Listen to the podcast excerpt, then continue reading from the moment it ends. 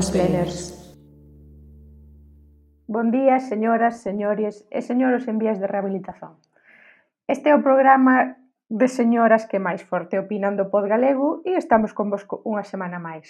Hoxe teño que confesar que non estou moi católica, pero vou reunir forzas para trocar ideas e non dicir o verbo cagar eh, cando estexa a presentar isto, que xa, iso xa o usei bastantes veces na, no programa anterior.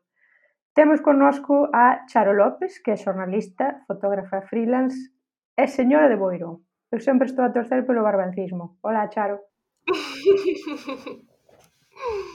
Bon día, señoras, como estades?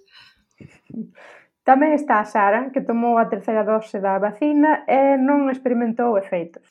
Bo día, este sistema inmune está feito de aceiro para barcos, polo menos. E o Janito, que nesta semana deixou un ridículo os heterónimos de Fernando Pessoa nas candidaturas do Gali Twitter. A verse votando moitas veces consigo algún resultado alendo de, do, do, da, de ignorancia absoluta, porque non, esquecen, me, non, non, non gaño Gali Twitter, non sei por qué, se teñen moitísimas contas para votarme entre min. e por último, non menos importante, a malvada profe que necesita meter toda a súa maldade nun tamaño XXS. Pois exactamente, son extra, extra eh, pequena e a miña maldade está moi reconcentrada. Eh, por desgraza, descubrín esta semana que esas tendas, xa non vou dicir nin o nome, que prometían que ian traer eh, tamaños XXS, agora eh, non os traen. Tes que encargalos. E que significa encargalos? Significa que tes que pagar todas as prendas que queres probar somente para que chas deixen probar na tenda, dicir, para que chas traen a tenda. Estou moi disgustada. Pero o desgusto case case se me pasou de todo onte cos dous premios xerais que gañou eh, Berta Dávila, os xerais e o Jules Verne. E podemos aproveitar aquí para felicitalas a ela e máis a Ledicia Costas, xa que somos lectoras, porque está moi ben que estean as señoras acaparando todos os premios, e señor, ainda lles han de dar algún máis. Moitos parabéns para elas dúas. Entón, se Deus quixer ou non, comezamos o programa. Charo, tiñas por aí algunha cousa que confesar. Claro que teño que confesar, porque a cousa é a que veño eu a falar de religión o domingo na hora da misa aquí.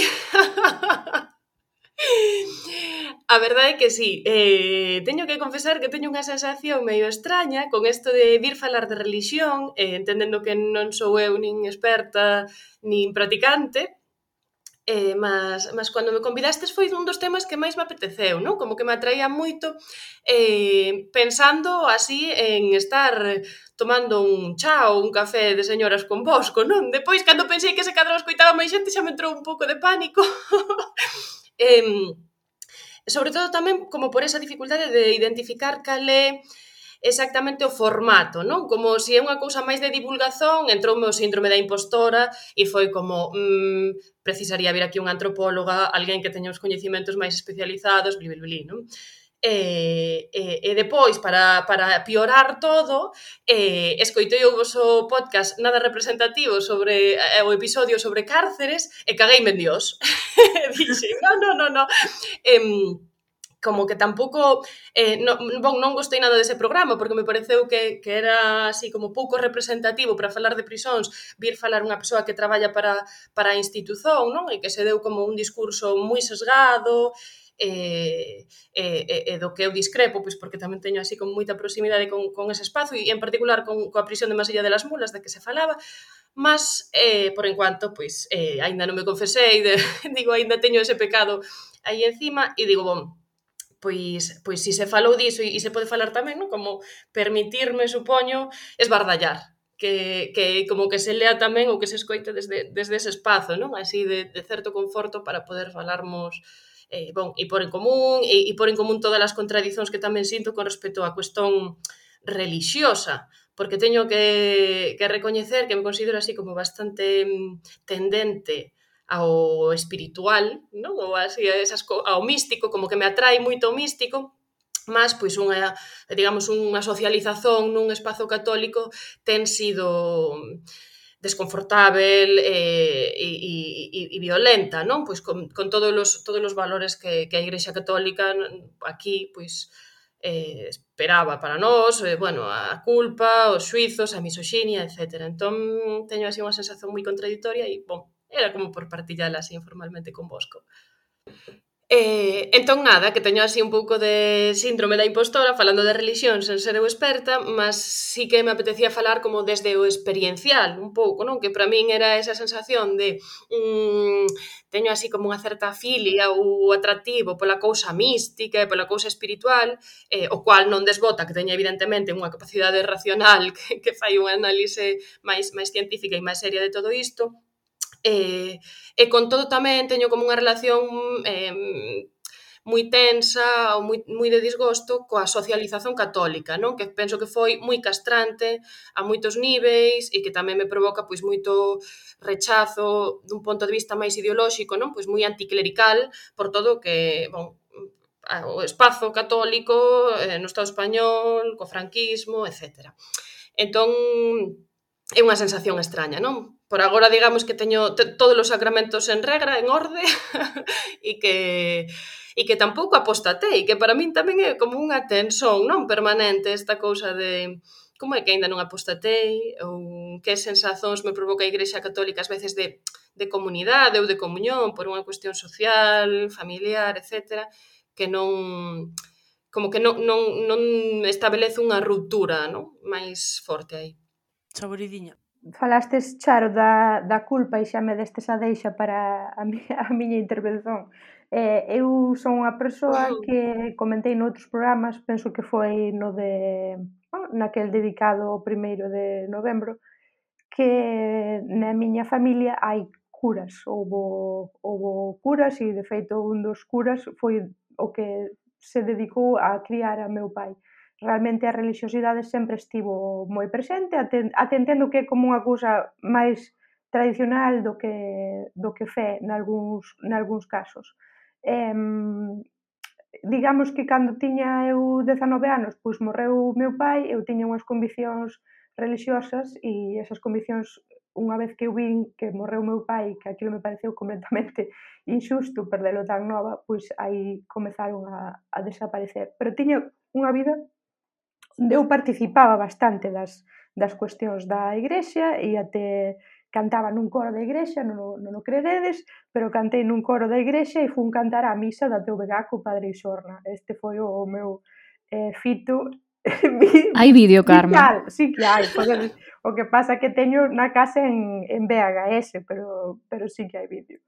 E cantaba en bodas, en, en batismos, en, en comunións, entón ainda levantaba bastante diñeiro a costa de, dai da, da fe católica, supoño. E como vos dicía, pois, eh, cando meu pai morre, tendo un, uns 19 anos, xa tiña a confirmación feita, é dicir, que xa me confirmara, pasara por varios sacramentos, pois aí a miña fe esfarelou, pero mm, ainda así hai unha serie de cousas en que ti vas educada e que, mm, pois claro, é difícil saírse diso. Eh, a culpa é unha desas cousas, por exemplo, cando alguén ten un, un problema e entón resulta que, que se quere desculpar comigo, eu estou vendo que eh, moi modernamente agora a xente xa non pede desculpas, o que di é, ah, pois fixeno nese momento porque o sentín así, ou se volvese atrás eu non mudaría nada disto. Entón, claro, eu sendo educada na culpa católica, para min o primeiro é sempre pedir pedir desculpas, non non existe non non pedir desculpas, eh, fastidiame moito que, que non, se me, non se me pidan esas, esas desculpas. Pareceme como unha cousa de, de outra cultura, parece un choque completamente cultural, eh, xa vos digo, é algo que vexo como moitos realities de, pois fixeno porque o sentín así, digo, non, non, ti ao final és un animal racional, terás que tamén ter unha especie de control sobre sobre os teus sobre os teus actos, obviamente. E, e nada, ao redor de todo isto, como vos dixen que fixen a, a confirmación, pois eu fixen todos os sacramentos ata, ata a confirmación. Eh, non podo negar que a cultura religiosa tamén me deu unha serie de chaves moi importantes para entender o mundo. É dicir, eu hoxe vou á Catedral de Santiago, non sendo religiosa, non sendo católica, pero podo entender o que nos conta a fachada, podo entender o que está representado nun retábulo, podo acceder a a unha serie de obras da literatura e entender que códigos morais se moven aí, que hai moita xente que hoxendía che di, non, non, non, non quero saber nada de religión, e é como moi taxativa con iso, e se realmente non entendes esas cousas, non vas chegar a, a, a ter un dominio mm, pois iso, interpretativo do que, do que a cultura que chegou para ti eh, significa. Eh, despois eh, xa vos contarei un pouco isto ao redor dos sacramentos, porque me parece tamén importante, pero quero deixar falar a outras gomas planers agora. Eh, Sara ou María? Sí, eu como a ti tiven unha educación católica, como xa sabes, da que me afastei eh, coa chegada da preadolescencia, da pubertade e o pensamento racional, é dicir, eu deixei de creer en Deus, da mesma maneira que deixei de creer nos Reis Magos, eh, eh, no, no Ratón Pérez, eh, e nas fadas en xeral, eh, eh, quizáis un pouco máis tarde e tamén de maneira un pouco mediada polo afastamento da igrexa. Eh, penso que en parte grazas á lectura da Biblia, que é unha cousa que se fai pouco na cultura católica, pero que eu por unha disposición de tempo extraordinaria, grazas á miña mala saúde, puiden facer con a unha idade moi temperá, eh, por moito aburrimento e poucas cousas que ver na tele, xa sabes, pois tiñas dúas horas de tele o resto do tempo ler o que che caía nas mans. E, por outra parte, pois, o coñecemento da historia, non de saber o que acontecera con, con Copérnico, con Galileo, etc. Pero sí que agradezo moitísimo todo o coñecemento que me trouxo a cultura religiosa, tanto a, a máis ortodoxa, a, a da Biblia, a, de, a da Igrexa, como a da religión máis popular.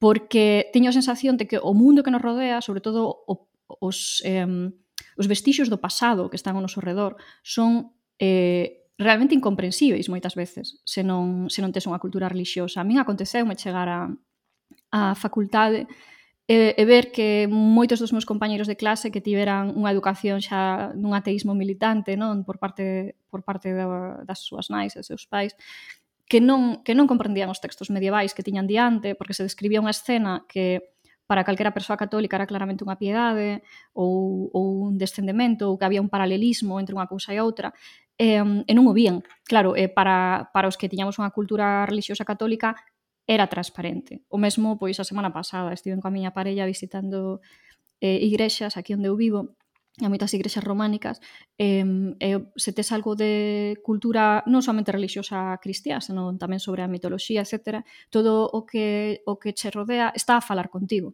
É dicir, eh, mesmo os nomes das rúas ás veces, non? pero desde logo nas, nas igrexas.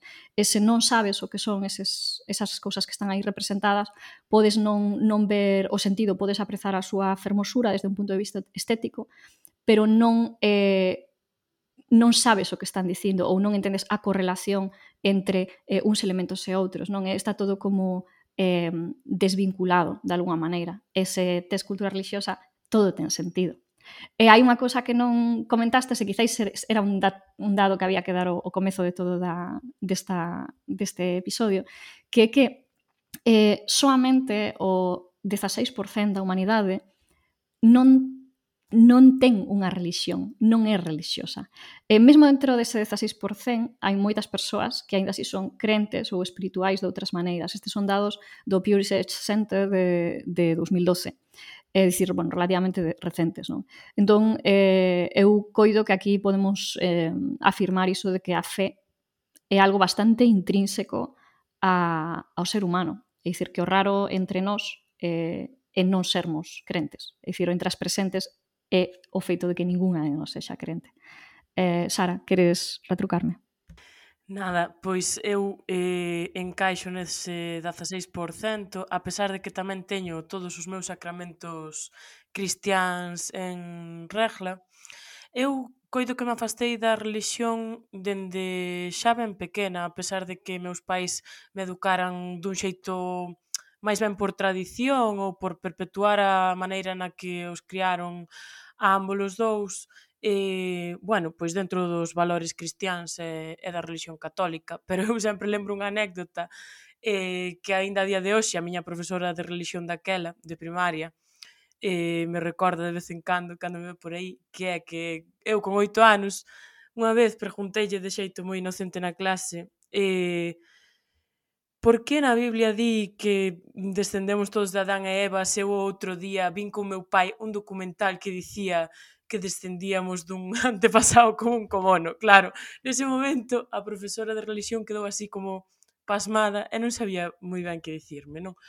Entón, eu dende pequena, pois fun unha, unha nena así moi curiosa, era a típica nena obsesionada cos, cos dinosaurios, eh, con Exipto, eh, eh, co, co espazo exterior, eh, cos planetas, eh, estas cousas. Entón, interesábame moito aprender sobre iso e había moitas cousas da religión que eu non, non entendía, aínda que sí que participaba bastante nos, nos ritos religiosos, na misa e demais.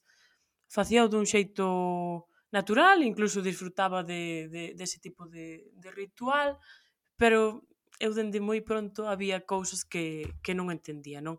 E xa, pois como che pasou a ti, malvada profe, chegada a adolescencia, rachei por completo coa miña fe cristiá ou católica E retomando un pouco o fío mmm, que mencionaba antes Carmen sobre a culpa cristiá, eu creo que sermos educados eh, nese tipo de, de pensamento influe moitísimo eh, na forma na que nos socializamos.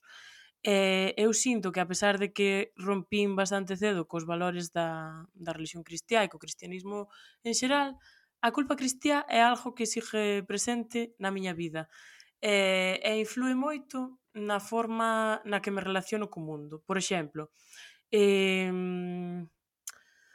asociada á religión cristiá, eu creo que vai eh, tamén, pois non sei, o valor da familia tradicional, o valor da monogamia, e cando te relacionas pois dun xeito, por exemplo, non monógamo, eu sinto que moitas veces se representa en min eh, a culpa cristiá, en plan, ai, pero como vou estar eu pois eh, relacionándome deste xeito con outras persoas eh, fora da parella e demais, non? É como que aínda pesan en ti eses valores que te inculcan a pesar de que haxa anos, eh, séculos que non os practicas ou que non crees neles.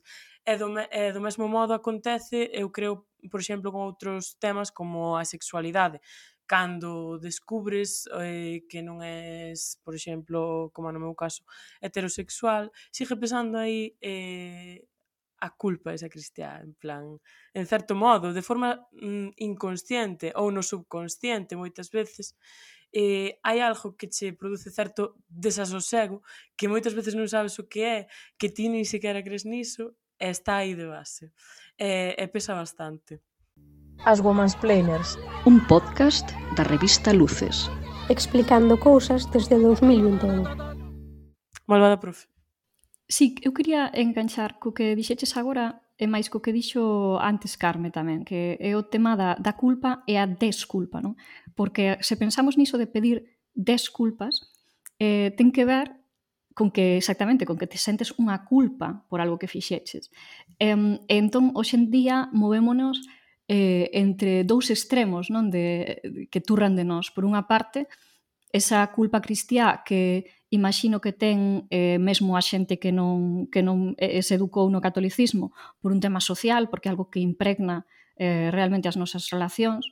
E por outra parte, esa nova eh, valoración da, da espontaneidade por riba de todo, non? esa espontaneidade que se valora como unha certa autenticidade, dicir, todas as persoas desconsideradas que coñezo dunha ou doutra maneira eh, xustificanse dicindo é que eu son moi auténtica, non sei se vos pasa, se coñeces este tipo de seres humanos, é que eu son moi auténtica, dicir, iso significa que eu non teño filtro, que eu non teño sensación de culpa, que non teño a necesidade de ter ningunha consideración polas persoas eh, alrededor de min, nin, nin de calar ningunha das miñas opinións non solicitadas sobre cousas que, que realmente non me afectan. No?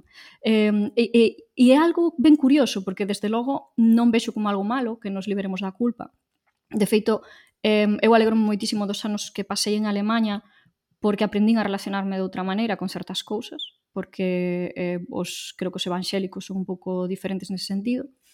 Eh, pero por outra parte, eh, gustaríame ás veces eh, ver un pouco de, de consideración, se lles, se lle queremos chamar xa coa terminoloxía de hoxe, un pouco de caridade cristiana as persoas que me rodean.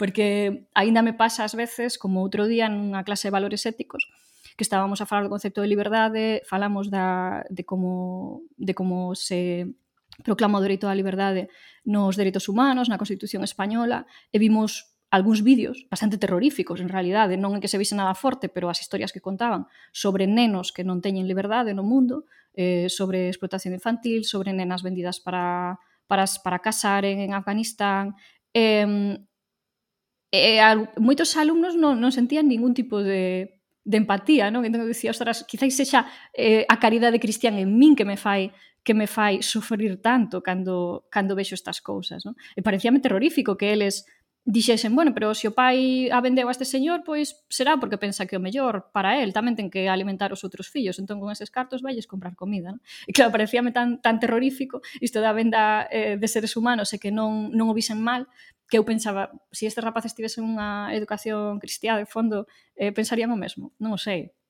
E despois hai outra cousa, non? Que é que um, a, a propia eh, as propias orixes eh, as propias orixes da humanidade están dunha ou outra maneira vencelladas as orixes da religión.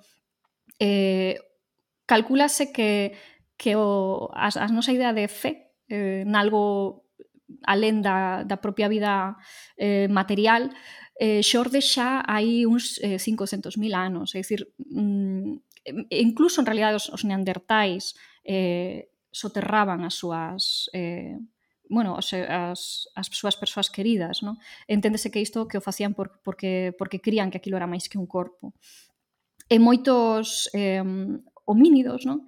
Eh, supónse que cando comezaron a, a realizar, a fabricar instrumentos de pedra, cando comezaron a desenvolver esa, esa habilidade, que tivo que ver cun eh, unha capacidade de pensamento abstracto que é a de construir algo que non podes ver, é dicir, que ti tes unha imaxe mental de algo e o fabricas, non estás imitando algo que está na natureza, sino que estás realizando a partir dunha imaxe mental, que esa imaginación está tamén na orixe da fe. No?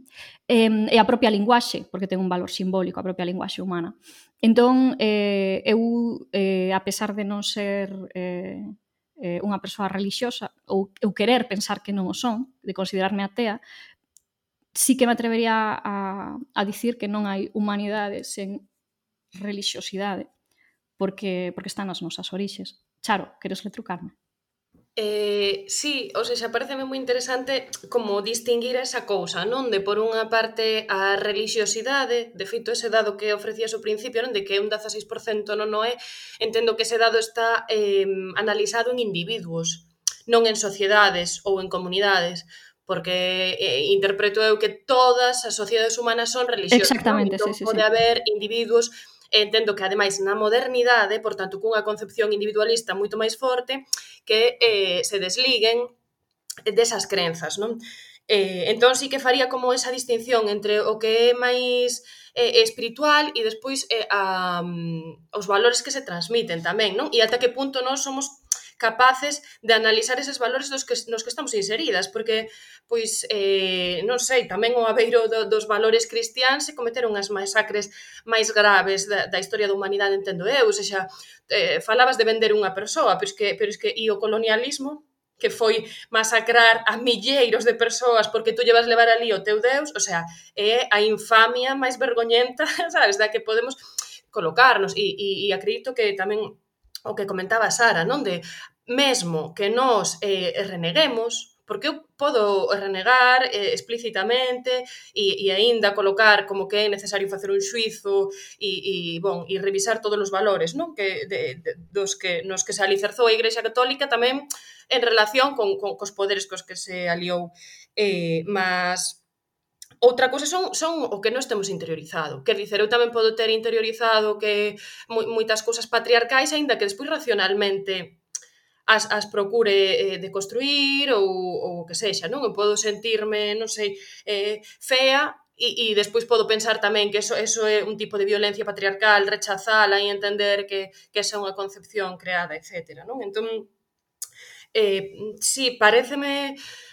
Bon, eu non me atrevería non? A, a dicer como que estou libre de, de todos os, os valores cristiáns, porque moitos deles, pois ao mellor ni siquiera son conscientes, non? De que, de que están aí, para min é o natural, o normal, eh, Sí, eu, bueno, te, gustaría puntualizar unha cousa que, aínda que tes toda a razón, que o, eh, co colonialismo foi demandada tamén o, o, o feito da imposición da, da chamada evangelización non dos povos que se consideraban inferiores, o motor do colonialismo final foi o capitalismo, o, o ese capitalismo temperán, porque en realidade as guerras de religión son premodernas, quero dicir que as guerras de, de religión xa sabía antes, eh, e isto de impoñerlle a outros a túa fe, pois eh, eh, non o sei, pero sospeito que debe ser eh, case tan antigo como a propia fe ou como a propia eh, religión organizada imagino, digo, é, é un dicir, quero dicir, os, os gregos xa executaban as persoas por por sacrilexio, non por, por crimes contra os deuses. E, e hai, pois, por da, darlle un pouco a volta eh, ou mirar a, a outra cara da moeda, tamén me parece interesante falar dos beneficios da fe, eh, porque a fe tamén foi inspiradora de paz. Eh, sí que pensamos moito nas guerras de religión, eh, pola contra non pensamos no feito de que, que hoxe en día En case todas as eh, sociedades que consideramos democráticas, o servizo militar non sexa obrigatorio, foi grazas a movimentos religiosos particulares, non? Eh, o primeiro obxector de conciencia da historia do que temos do que temos eh, algún tipo de de coñecemento eh, foi Maximiliano, eh, hoxendía coñecido como San Maximiliano, que foi por motivos religiosos xa no ano eh, 295 no Imperio Romano, que non quixo eh, unirse a, ao exército porque non quería matar e foi, eh, foi executado por iso. Pénsase que puido haber outros mártires antes que a él por este motivo, pero ele o primeiro que foi así moi coñecido. Non? Eh, xa no século XVI tamén, agora en Europa, en Holanda, eh, Guillerme o Silencioso deulle o dereito aos menonitas de non participar tamén do seu exército nin das guerras a cambio de, pois, de pagar unhas, unhas cotas, non para unha especie de, de imposto. Eh, eh, xa en Gran Bretaña no século XVIII, a finais do século, a mediados do século XVIII, en realidade, estaban a ter un gran problema pola pola resistencia que tiñan os quakers, os, os quakers eh, de participar nas eh, de par, participar no xército. Eh, e alá por creo que foi 1875 ou por aí, eh, perdón, 1775 ou por aí, eh, fíxose unha, unha lei a raíz da, da nova milicia que se creou onde se excluía eh, ou se, per, se lles perdoaba aos cuáqueros, por así dicir, a súa, a súa participación. En actualidade, un dos eh, estados non eh, estados occidentais máis ou menos desenvolvidos máis terroríficos respecto ao tema militar que hai no mundo que é Israel eh, e que como, que como sabedes sí que teñen servizo militar obrigatorio teñen un problema cos Haredim que son precisamente os, os xudeus ortodoxos. É dicir, son estes eh, xudeus ultraortodoxos os máis xudeus de todos os xudeus quen se negan a participar do exército de Israel porque non recoñecen o Estado de Israel, insultan os, os eh, sionistas, non? O sea, os, eh, os laicos chamándolles iso, sionistas, porque consideran que a propia existencia do Estado de Israel é un atentado contra Deus e supoñen un problema para o Estado. Eh, entón, claro, eu creo que pois que é unha cousa que da que tamén hai que falar, que a fe tamén move as persoas a facer cousas positivas. Saboridiño.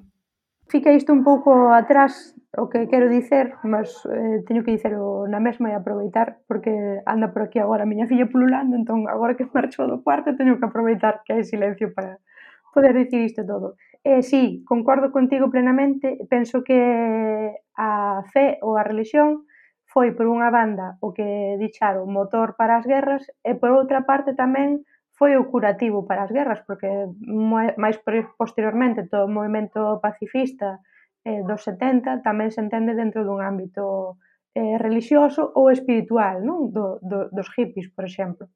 Eh, mas agora quería trocar, eh, mudar completamente de, de deriva disto e falar un pouco dos, dos dogmas, non? Eu, eu dixen que tiña feito todos os sacramentos a toda eh, confirmación, non, non son casada, nin, nin evidentemente fixen a extremoción, porque ainda non me, non me, non me tocou de morrer, e, e como deixei de, de acreditar en Deus, pois non, non vou facer máis, máis sacramento. Isto dio para que non pensemos que é meiga, pero non sabemos que é meiga igual. eh, mas sí, mas eh, no meu encontro con outros compañeiros na escola, comentemos un pouco, non? Eu sou da xeración de XB, e no meu XB só non tiña feito a comunión, non digo o batismo, a comunión eh, un rapaz e non a fixo porque era fillo de, da representante do PSOE en Padrón. Entón aí xa había unha especie máis de, de construción do que era a igrexa, de por que había que facer, facer iso, se si realmente estaba facendo por inercia, porque todos estábamos facendo aquilo por inercia ou polos regalos, e nada máis. E o meu shock cando entrei para a universidade foi eh, descubrir que había xente que nin tiña feito o, o batismo. Claro, eu sendo de padrón non había opción a non facer esas cousas. Ninguén, ninguén te preguntaba se as querías facer ou, ou non. Facíalas porque era algo que toda a xente facía. Eh, únicamente coñecín no meu contexto xente que non se confirmou, pero máis nada. Entón chame moito a atención eh, pois nada, xente que tenga necesidade, por exemplo, de ter afillados. Eh, se tes afillados será porque esas nenos xa se batizaron antes. Se se batizaron antes, batízanse para que? Para teren padriños.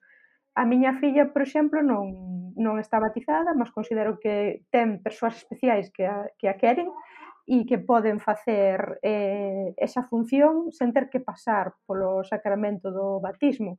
Porque non sei se o estades a saber, pero cando ides ali facer o paripé do batismo, estades renunciando a Satán, que igual é alguén que vos parece interesante, e estades asumindo... Oh, no.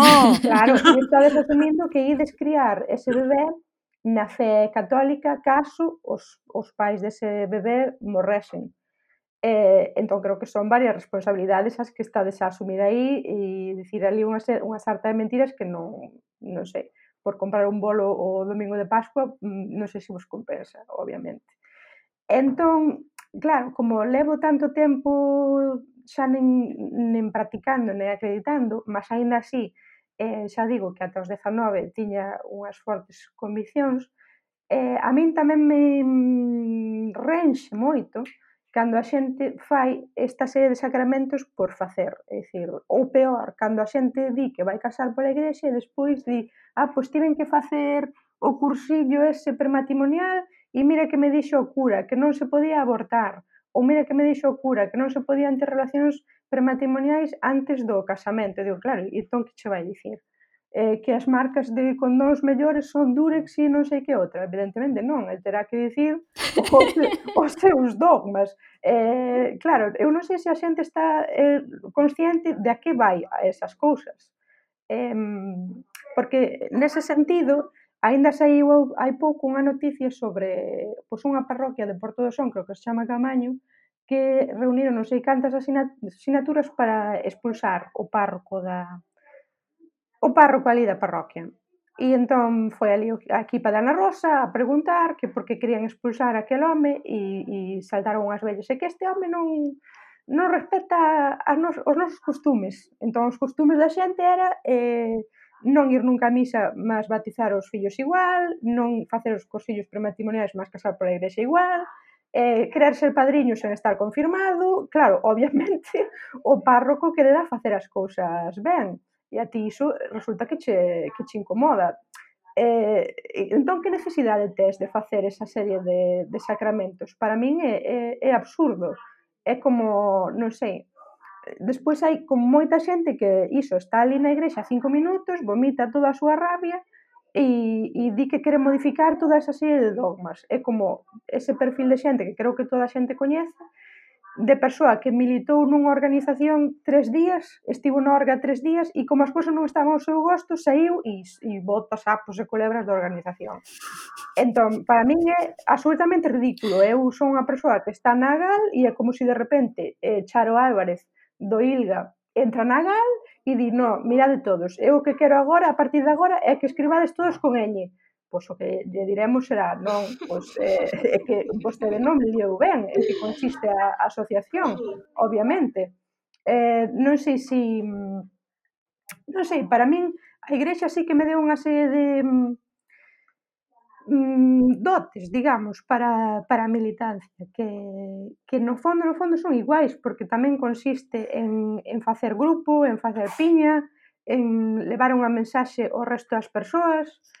Non sei se nisto estades de acordo ou, ou non. Charo ou Sara?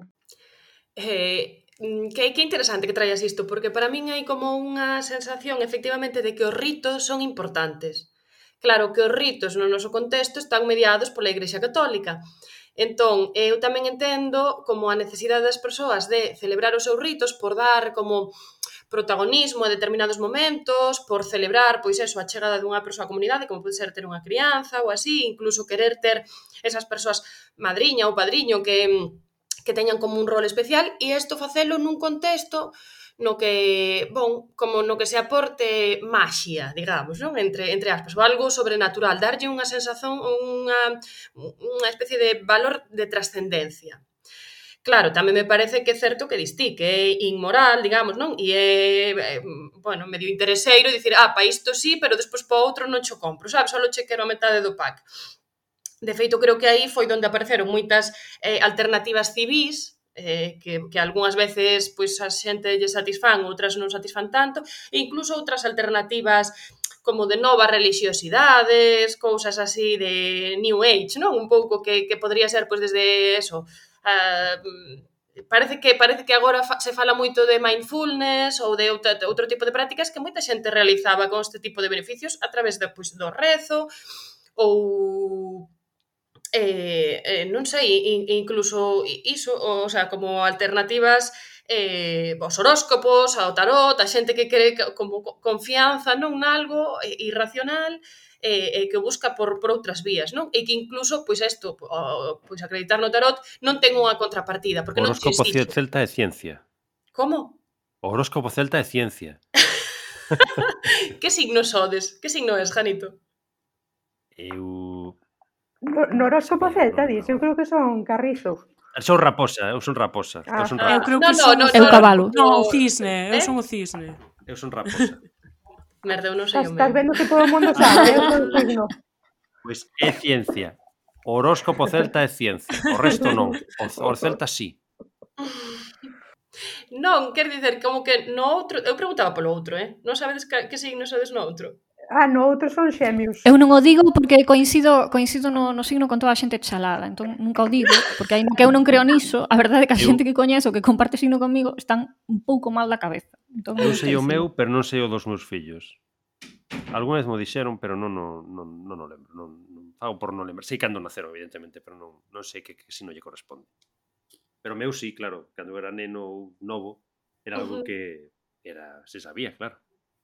Igual que agora outra vez vexo un certo tabú aquí con, con, coa asimilación esta co horóscopo que non houve coa Igrexa Católica previamente eu, na Igrexa Católica tamén se coincide con moita xente chalada e tal pero tamén con outra boa, non? É como que o individuo aí tampouco non é o máis, máis interesante de feito creo que a diferenza maior que eu vexo entre estas novas propostas de religiosidade que son menos exixentes no individual, porque non tes eses compromisos máis morais ou, ou de dogma que, que, que falaba a Saboridiña, é, é a cuestión do colectivo, non? O sea, xa vexo a diferenza aí na, na cuestión de como se implica toda a sociedade. O feito de que unha crenza sexa partillada fai con que se naturalice, con que non pareza precisamente unha chaladura ou que, que non pareza unha, unha extremonía, non unha rareza facer pois un rito, tú agora si dis que vas facer un rito de benvida a tua crianza nun círculo no bosque de non sei onde, pois en fin, va a ser xulgada, non? Como é un pouco inapropiado. En cambio, se faz, fas, se faz fas un batismo,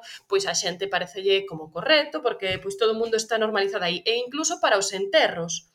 Porque, por exemplo, eu, eu identifico para min hai unha tensión niso, non? De mm, si, si, si o meu entorno social, se si a miña familia ten eh, esa, esa crenza, eh, o feito de facer un rito de despedida, pois neste caso cristián, mm, conectache con moitas cousas inconscientes que para min non ten que ver con Deus, quer dizer, eu tampouco estou pensando que hai aí un Deus que parece un señor, en tal caso parecería unha señora negra, gorda, sabes, aí nas nubes como fantástica, non? Ou incluso pois colocar as hipóteses da, do politeísmo, que tamén ten bastante alicerce no paganismo galego, con toda a, a, o peso que teñen os santos, non? Tanta xente que lle pede a un santo en particular, porque Deus non se sabe onde está, pero si trona pides a Santa Bárbara, si é unha cousa moi difícil vas a Santa Rita, entón bon, como que eh, hai esta cousa así mm, medio pagana tamén aí aí de fondo, non? Pero pero para alén do, do que haxa alén, non? Ou desa forza sobrenatural que xa me parece así como, bueno, menos menos potente, o que me parece poderoso aquí é a, a, o reforzo da comunidade, non? A comunión.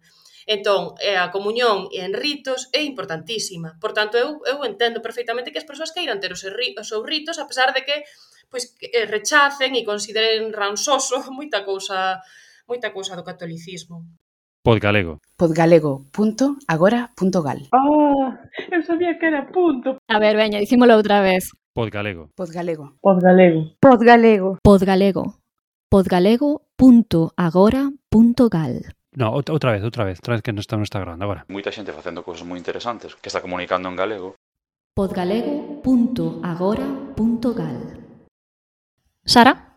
Bueno, pois eu retomando brevemente o que dixo antes a Saboridiña, antes de nada, teño que dicir que non coñezo a ninguén que fixese a confirmación ou que casase ou que bautizase os seus fillos, que o fixese porque realmente está convencido ou convencida de que quere educar os seus, a, as súas crianzas na, na fe católica. E non deixa de resultarme curioso porque a xente continúa bautizando as súas crianzas e ninguén sabe realmente por qué.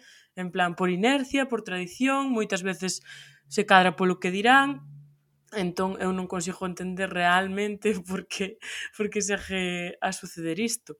E por outra parte, retomando o fío do que, do que estaba a falar Charo sobre novas espiritualidades, eh, novas eh, formas de entender o mundo espiritual, como a horóscopo ou a astroloxía, eu creo que xorden un pouco eh, me, eh, por dúas vertentes, non? A primeira, sí que pode ser pois pola necesidade do ser humano de, de atopar a súa espiritualidade, de desenvolvela, de cultivar un pouco o seu mundo interior, non? E, e crer eh, que hai algo máis eh, alá do que podemos ver a través dos nosos sentidos ou do que podemos explicar eh, coa ciencia ou coa razón.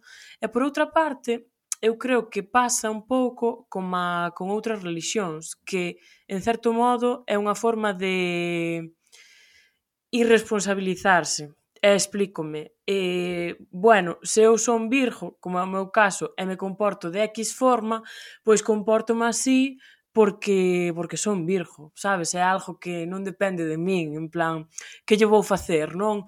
Ou se me pasan estas cousas na semana que me di o horóscopo, vale, pois entendo que é porque mo di no horóscopo e que eran cousas inevitables, non? Ou que como como que estaban escritas no destino. En certo modo, eu creo que é unha forma tamén de xustificar pois certos comportamentos ou certas características da nosa personalidade que quizáis non nos gustan tanto ou tamén pode ser un xeito de de buscarlle unha explicación a cousas que nos suceden que quizáis non, non estamos preparadas para xestionar, non? Non sei que opinas ti sobre isto, malvada profe. Eh, si eu opino varias cousas. Mm, A primeira ten que ver co, co tema de, do rol da, da religión non, non necesariamente da espiritualidade, senón agora vou falar da religión nas nosas vidas. Eu concordo con Charo en que a religión crea comunidade e, e que os ritos son necesarios. E penso que o feito de que os ritos eh, católicos, os ritos que teñen tradición, teñan máis éxito socialmente que os novos ritos, por exemplo, incluso mesmo ritos laicos que se, que se intentan eh, impoñer ou favorecer, ou que calquera rito máis ou menos pagán que un poida deseñar, é que é a propia tradición o que foi convertendo eses ritos nalgo moi poderoso, é dicir, en cousas que son estéticamente poderosas. Eh, Carme falaba no noso episodio de Defuntas da maneira en que a Biblia é un texto pois moi editado e moi moi ben moi ben escrito, non? Entón, eh un rito cuns textos poderosos detrás, eh, cunhas, cuns lugares eh, cheos de significado, con toda esa simboloxía da que falábamos, que, que non significa nada para que non a coñece, pero que está cargada de sentido e de, e de correlacións para, para quen está presente, son moi efectivos.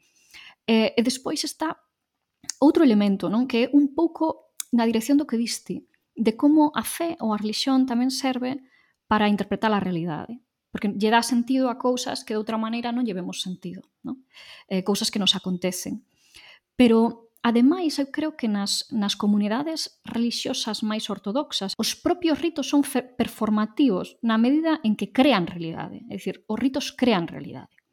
Hai unha serie que se chama Stiesel, está disponível en Netflix, É unha serie israelí precisamente sobre, sobre os Haredim, os ultraortodoxos dos que falábamos antes, que, que son unha comunidade religiosa bastante terrorífica eh, en algúns puntos de vista, pero moi interesante. A serie achegase a esa comunidade, a unha familia en concreto, a familia Stiesel, mm, sen, sen xulgalos realmente, non? simplemente pois, observando o que, o que acontece aí, o que lle acontece a un home novo que, que é artista eh, e que ten eh, un conflito entre a vida e a fe, ao final, no? ou entre a vida terreal e a vida religiosa. E unha cousa que fai dunha maneira maravillosa esa serie é que cando ti estás a vela, comezas a observar todos os rituais que les teñen, porque estes xudeus ultraortodoxos eh, rezan un versículo antes de beber cada grolo de auga, antes de comer un determinado alimento teñen un, antes de comer outro teñen outro, eh, para, non sei, eh, para entrar nunha casa din un versículo, para se bañar supoño que dirán outro, é dicir, está toda a serie está impregnada e non quixeron aforrar ningún pequeno detalle. Entón ti ves como de verdade a súa realidade está completamente vertebrada alrededor deses, deses pequenos rituais que non que non dos que nada está libre, non? Porque parece que nós nas sociedades alo menos nas, polo menos nas sociedades eh, occidentais así máis laicas, que a nosa non deixa de ser bastante laica en realidade, hai como uns espazos para o relixioso e outros espazos que están bastante libres do relixioso. Eh, e aí, pola contra, a fe impregna o todo. Eh, é tal a maneira en que te mergulla nesa realidade eh, neses rituais, en esa religiosidade, que cando de súpeto alguén violenta da maneira máis mínima eh, os costumes os que te vas a facendo como espectadora, a ti mesmo che resulta incómodo que non que non que non cumpran con esos preceptos, non? É realmente é moi hipnótico. E, e dá unha enorme sensación de paz e de espiritualidade, claro. Despois a familia terrorífica, pero eu diría que ni sequera é unha familia terrorífica por seren ultraortodoxos, sino porque son unha familia, simplemente. Non? E teñen esos conflitos habituais, un pai dominante, eh, eh, mulleres moi oprimidas e con moi pouco poder que despois exercen o pouco poder que teñen nos poucos espazos de que dispoñen dunha maneira eh, dunha maneira terrible e despiadada. E, e iso penso que, que yo recomendo a, a todo o mundo. Carmen? Falaba de antes ti é máis charo de todo o poder que teñen na nosa sociedade os rituais. E, para min, ao final, eh, todo isto dos, dos rituais ten que ver un pouco co vegetarianismo e co veganismo, porque eses rituais novos que están a aparecer, por exemplo, digamos, os, os casamentos non, mas, mas os, porque no casamento que estás sí que é a mudar un estado, que é o estado civil, Mas nos batismos, que o, o batismo leigo tamén é unha das opcións que, que se barallan últimamente, eh, relaciono isto co veganismo porque para min eses batismos non deixan de ser eh, un ritual que ten toda a forma do ritual relixioso sen religión. Non? Como moitas veces podemos encontrar unha salchicha eh, vegana que ten toda a forma da salchicha, pero ao final está desprovista da, da, da crueldade animal, non? E a crítica que se lle fai é desde as persoas que comen carne a esa salchicha é que necesidade tiñas de facer a comida con esa forma de salchicha. E, e para min, xa digo que son unha persoa que profesou a religión 19 anos, e ao final herdo todas esas cousas e digo que necesidade tiñades de usar todos eses rituais despro, desprovelos desa parte relixiosa e usalos para crear un, un novo que non deixa de ser eh, ao final, para min, unha copia eh? Eh, innovatismo, claro, hai unha presentación de un neno nunha nena eh, na sociedade onde todo o mundo pasa a coñecer o nome ou o rol novo que vai desempeñar na familia, mas non é unha mudanza de estado, non? Pois realmente, como, como pode ser un casamento. Aí sí que podo entender que máis xente faga por inercia ou da igrexa, porque até, polo que me teñen comentado, o propio párroco xa che fai tamén a papelada do civil, dicir, aí tamén se xoga un pouco na trastenda con, con que a religión ao final tamén ten unha serie de adeptos porque facilita unha serie de cousas e dificulta tamén outras, como pode ser a, a apostasía, obviamente.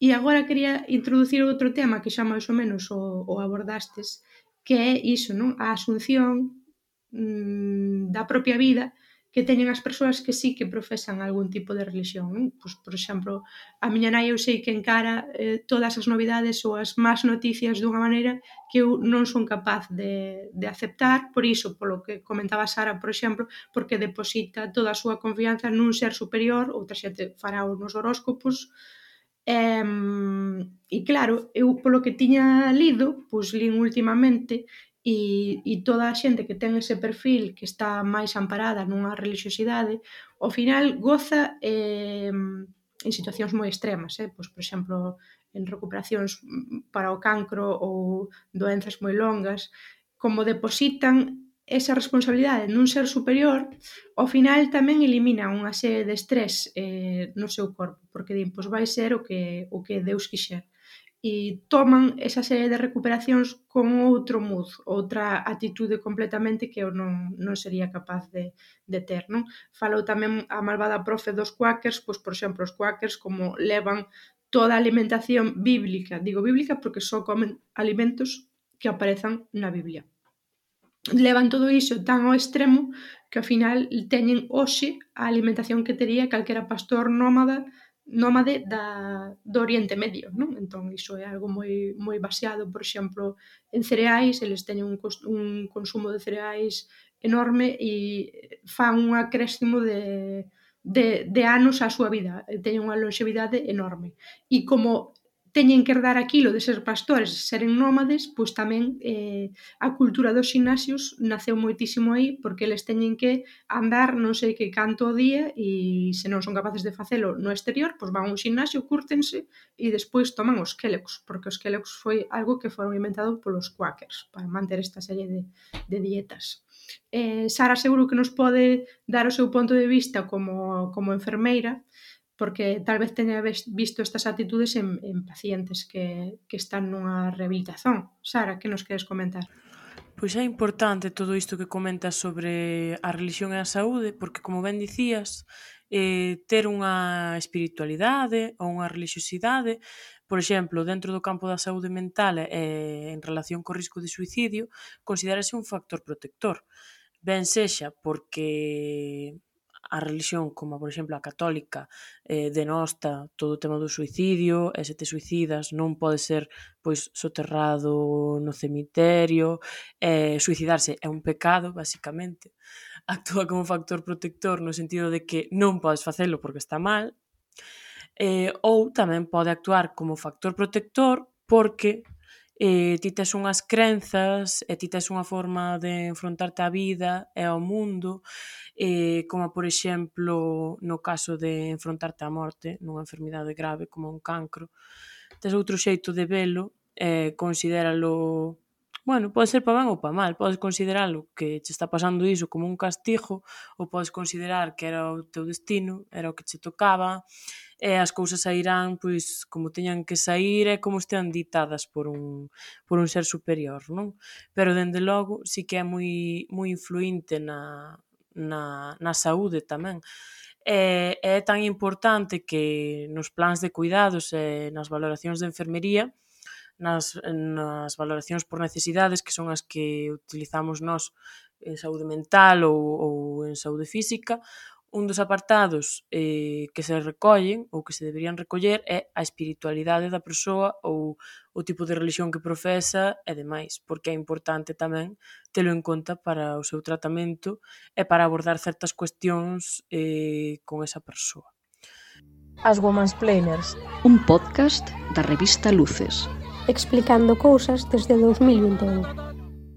Charo, contanos que ben traerdes tamén esta, esta posibilidade. Sí que me parece eh, moi interesante, non? Como recuperar esa cousa máis primixenia, non? O máis antropolóxica de a espiritualidade pode ser unha algo intrínseco, non? O, o ser humano. E entón aí tamén eh, non sei, tratar con máis humildade, porque creo que ás veces desde o pensamento científico e, e desde o pensamento crítico se ten desprezado, non? Moito como a, as persoas religiosas. Tamén, bueno, creo que habría que falar sempre pois, do, no noso contexto, porque efectivamente pois, para analizar outros contextos religiosos, outras outras eh, religións, pois eu aí non, non teño suficiente información, pero sí que me parece como clave ter bon, esa crítica que colocabas, non, Sara, de pode ser que a religión desresponsabilice, non, no sentido de que ah, como é o, o, o, o máis alá, non, o que o que decide eh Porén, creo que tamén se pode ou que se podería encontrar un certo equilibrio, non? Porque efectivamente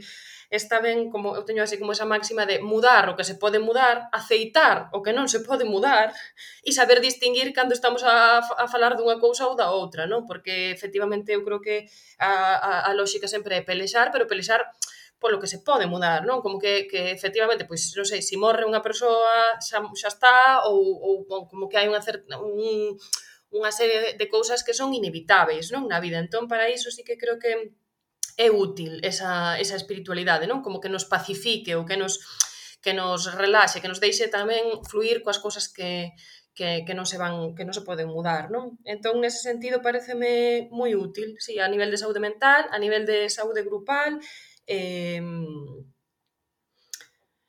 Bom, non sei, non sei de que forma, non? Porque efectivamente sí que hai esa idea de que sexa grupal, pero pero poder ir tamén modificando algúns deses valores que, que despois, pois non sei até que punto o, o bo que nos fai no presta polos, polo mal que nos senta, non? Ou polo mal que nos fai. Eu quería solamente facer unha pequena puntualización que Carme dixo que os, os Kellogg's eran, eran quakers. Eh, en realidade, os irmáns Kellogg's eran adventistas do sétimo día eh, non digo isto por repugnancia, que é un pouco repugnante, xa sabedes que si sí son, senón porque ademais quería, antes que sin nomear un pequeno detalle eh, relacionado cos adventistas eh, Desculpa, día, sí, quixen que, decir, que... quixen decir Kellogg's e non quería decir Kellogg's, eh, quería decir os cereais marca Quakers, son ideados por Ah, os da marca Quakers que son sobre todo os de avea, non? Os, os copos de avea. Mais en calquera caso tiña sentido porque os Kellogg's tamén viñan dunha destas eh, minorías religiosas que eran os adventistas do sétimo día, que se non eh, lembro mal son os que chamamos mormóns. Eh, estes irmáns, que ademais eran vegetarianos e seguían así eh, dietas estrictas, for, estrictas foron os que despois eh, inventaron os, estes copos malteados que están tan bons. Pero unha cousa moi moi interesante é que eh, este grupo relixioso dos adventistas do sétimo día foron tamén uns dos primeiros obxectores de conciencia desde o comezo desde a fundación dos Estados Unidos e máis tarde convertíronse tamén no oposto aos eh, aos obxectores de conciencia que somos participantes de conciencia, é dicir, aquelas persoas que se sacrifican dunha maneira activa eh, polo ben da comunidade. Non? Eh, mentre eran mentre eran obxectores de conciencia durante a Guerra Civil estadounidense, colaboraban en labores de, de enfermería e de cuidado de doentes. E despois, nos anos 50 do século pasado, en plena Guerra Fría, houbo unha operación nos Estados Unidos que se chamaba Operación White Coat, que era, era para desenvolver armas biolóxicas, en realidade porque temían un ataque con armas biolóxicas por parte da, da Unión Soviética, E entón houbo, eh, se non lembro, a cifra era máis de 2000 eh, adventistas do sétimo día, 2200 ou algo, unha cifra polo estilo, que, que se ofreceron a sí mesmos como suxeitos para, para experimentación de armas biolóxicas. É eh, bastante curioso tamén. Non? Máis que unha pregunta, teño unha reflexión. Presada Charo, Sonia Díaz deixou unha pregunta para ti. Cal é a decisión vital da que te arrepentiches ou da que te arrepintes máis fortemente, con maior claridade? ¡Ah! ¡Qué difícil! ¡Qué horror, ademais! Porque se si me arrepinto probablemente se algo do que me avergoñe e se si me avergoñe non querería dicilo en público.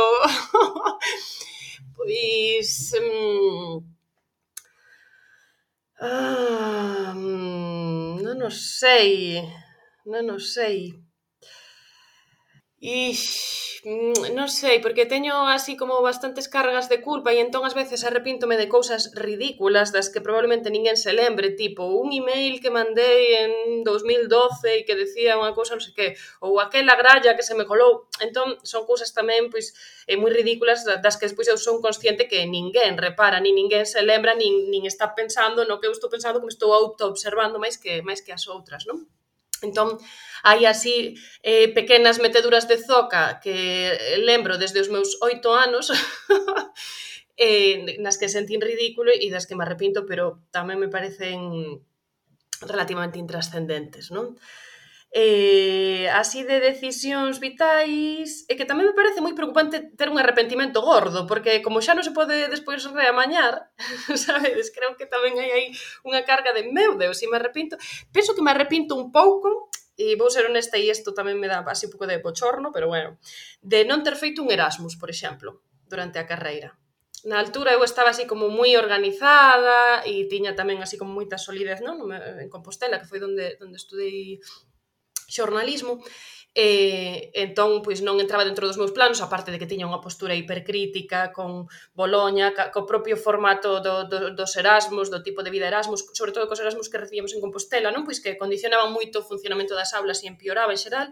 Eh, Mas sí, penso que hoxe digo, va, tería sido útil, por exemplo, a nivel lingüístico, para, para reforzar eh, pois algunha das, das outras linguas que, que falo, non? Mellor ou para ter, bom, ter tido esa experiencia, así.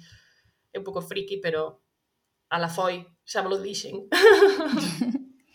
O ese eu teño que dicir que o entendo moi ben, porque eu non puiden facer Erasmus durante a carreira, porque o ano que mo concederon tiña moi mala saúde e non puiden ir pero fixeno de posgrao, quero dicir, eu fixen a miña, toda a miña historia Erasmus e despois te feito moitos anos que non foron de Erasmus, pero no estranxeiro de posgrao. E eu entendo moi ben, e espero que haxa algunha xente moza escoitándonos que decidan non deixar de facelo Erasmus cando te, cando te oian, porque é o que distí, é verdade que se pode facer ben ou mal, dependendo de onde escolles ir, por exemplo, se escolles ir a un país onde non sabes nada da lingua, pois posiblemente vas perder bastante académicamente, tampouco vas eh, aprender tanto, eh, do, do que te rodea porque non o vas comprender, pero se, se faz un esforzo por aprender ese idioma antes, ainda que sexa tu nivel A2, eh, da igual que sexa polaco, que checo, que, que grego, eh, e despois cando estás ali intentas relacionarte coa xente local e vivir con compañeros dali, é, é unha, é unha experiencia pff, vital maravillosa, é dicir, porque se che abre un universo diferente.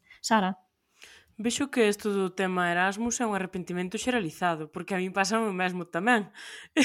A min tamén. non cuiden, eh, non sei, no seu momento pois pasábame un pouco o que di Charo, que eu estaba moi centrada en facer as, todas as asignaturas ben, a xente que viña de Erasmus a miña carreira era toda unha petarda, eu dicía a mi má, eu non quero ser esa petarda no outro lado, e eh, agora arrepíntome mm, bastante bastante, pero bueno, terei que facer outra carreira para facer un Erasmus, non sei.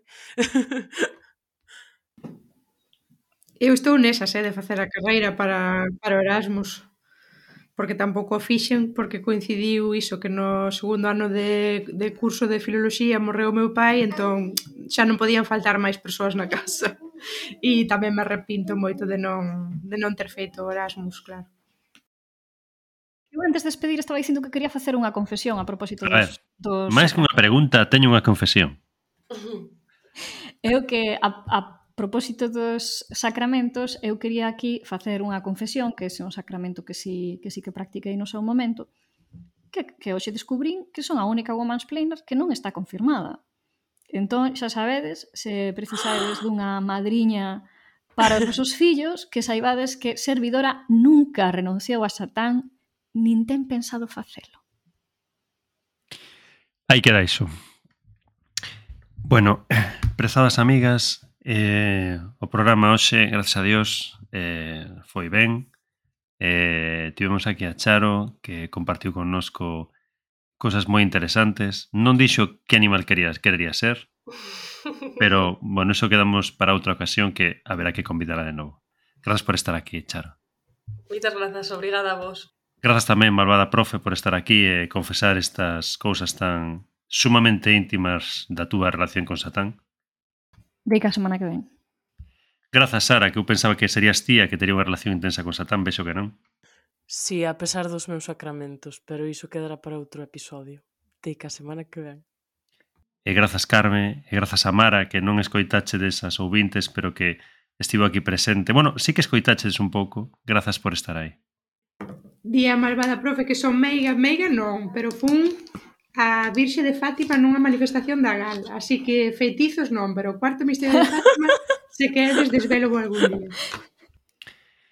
Bueno, pois eh, nada máis. Eh, quedades, eh, bueno, quedades emprazadas, emprazades, emprazados para a seguinte semana. Eh, xa sabedes que podes atoparnos en luces.gal e tamén en, en Quack FM e, e no resto de plataformas de podcast onde estamos. E, moitas grazas e a o vindeiro programa. Adeus. Chao. Chao, chao. chao. Tschüss.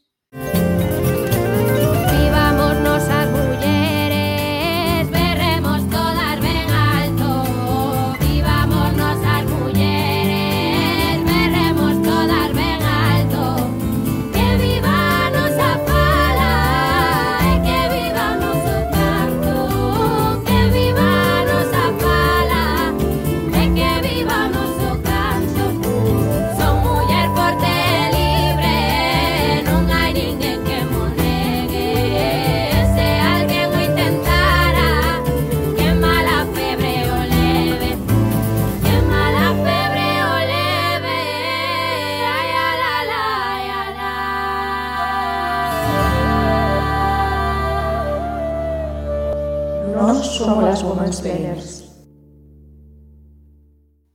Esta que me deixaron a min era boa, eh? Era boa e comprometedora, mas normalmente eu son de preguntas bastante mm, ridículas, tipo, cando coñezo a alguén pregúntolle mm, se foses un animal, que animal serías? Un animal non humano, por exemplo. Parece unha pregunta pouco sustentable iso, para, para este xogo. E pregunta o que queiras. Sempre preguntas Parece iso unha cando pregunta estupenda. recén coñeces a alguén. A ver, teño que ver un contexto...